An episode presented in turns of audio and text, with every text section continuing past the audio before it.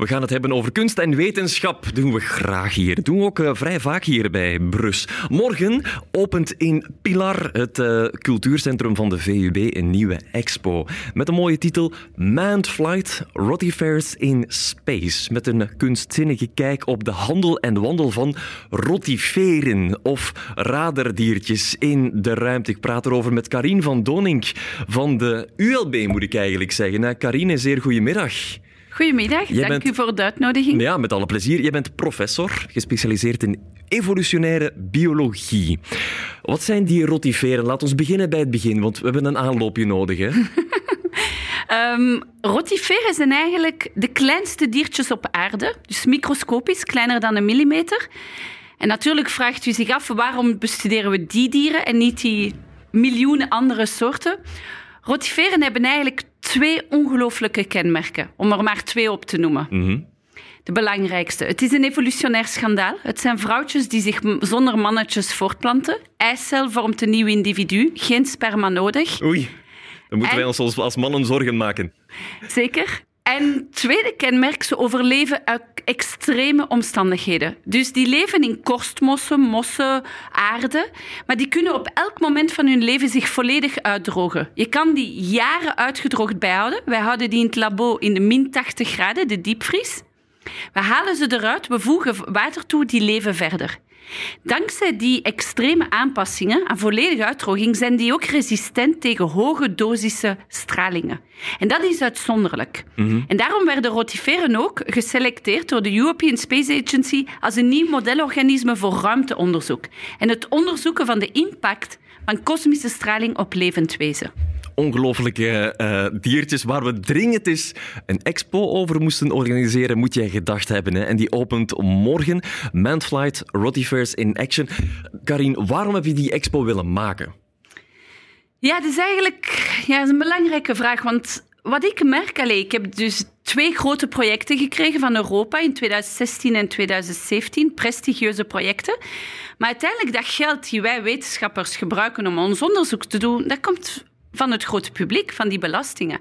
En wat ik vaak merk als ik met mensen spreek, dat ik miljoenen euro onderzoeksgeld krijg om rotiveren te onderzoeken, dan bekijken mensen maar ja, is dat wel een nuttige investering? Ja, ja, ja. Dus je merkt dat mensen soms niet goed weten wat er allemaal gaande is in die wetenschappelijke labo's, terwijl daar prachtige ontdekkingen gebeuren. En dus ik vond het heel belangrijk van wij moeten ons onderzoek en die rotiveren, die kenmerken, maar ook die ontdekkingen delen met het grote publiek. En niks beter dan met kunstenaars te werken. Want je, je hebt een hart voor wetenschap en een hart voor kunst. Hè. Wie eh, de podcast Antipode van Brus beluisterd heeft, die weet dat al natuurlijk. Dus je hebt kunstenaars gevraagd om van kom eens kijken in ons labo dan. Of hoe, hoe is het in, in zijn werk gegaan, Karin? Ja, dus ik ken al veel kunstenaars via het project Druum dat ik thuis heb met mijn partner Jo Huig. Dus ik heb natuurlijk een heel netwerk van kunstenaars. Wat heel belangrijk voor mij was die kunstenaars uit te nodigen van verschillende disciplines. Die die met film bezig zijn, fotografie, installaties, noem maar op, verschillende media gebruiken. En ze onder te dompelen in ons labo met de wetenschappers. En je moet met kunstenaars niet veel doen. Kunstenaars zijn curieus. Die luisteren, die kijken, die kijken op een andere manier. Die luisteren, die gaan in details, die interageren ongelooflijk met ons. En wat daaruit komt, is prachtig. En kan je een voorbeeld geven? Want uh, wetenschap is vaak een ver van mijn bedshow. Die kunstenaars moeten het naar het grote publiek brengen. Hoe doen ze dat? Op hun manier. Hè? Dus het is absoluut geen tentoonstelling outreach van hier gaan we nu de wetenschap resultaten tonen aan het groot publiek. Nee, het is meer hoe interpreteren kunstenaars mhm. ons onderzoek. En zij brengen ons onderzoek echt in een nieuw daglicht. Bijvoorbeeld SEEDS, Space Ecology, Art and Design. Die wouden eigenlijk, die zijn alleen geïnteresseerd in spaceonderzoek. Die wilden een kunstwerk mee met onze experimenten naar de ruimte sturen. Dat was heel complex. Die kregen één vierkant... Ja, ik wou net vragen, kan dat zomaar? nee, één vierkante centimeter op de label van ons experiment hebben die gekregen. Op alle zakjes. Die hebben daar een code aangebracht en die code heeft geëvolueerd met de wetenschappelijke data.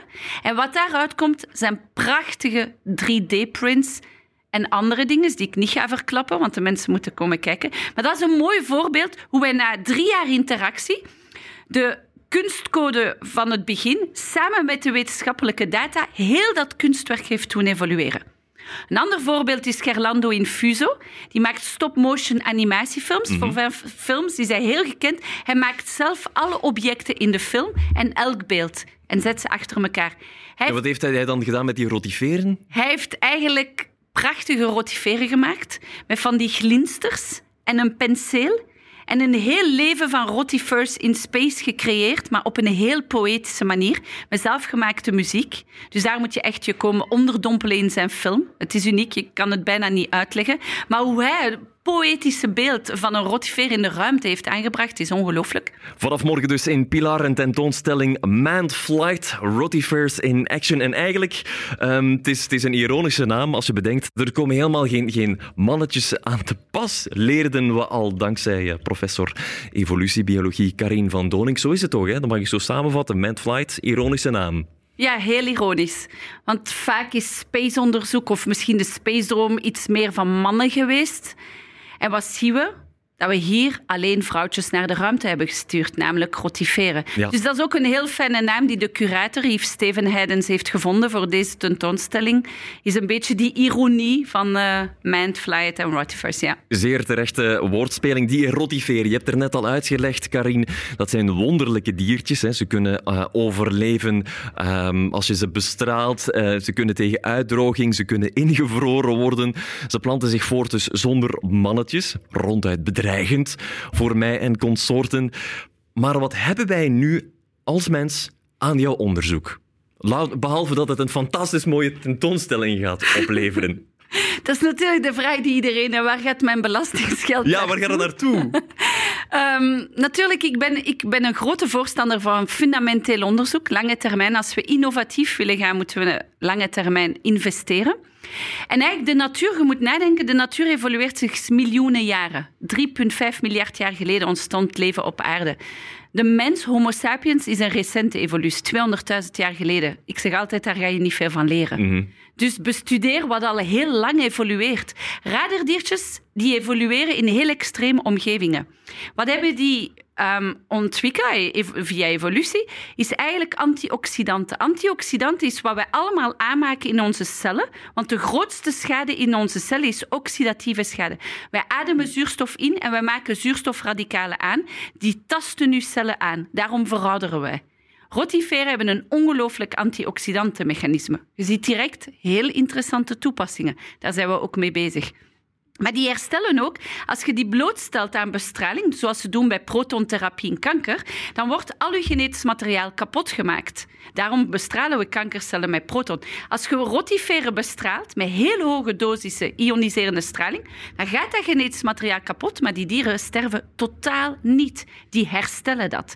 Dus die hebben een ongelooflijk herstelmechanisme. En wij ontrafelen nu met mijn onderzoekers die molecules die die herstelmechanismen mogelijk maken.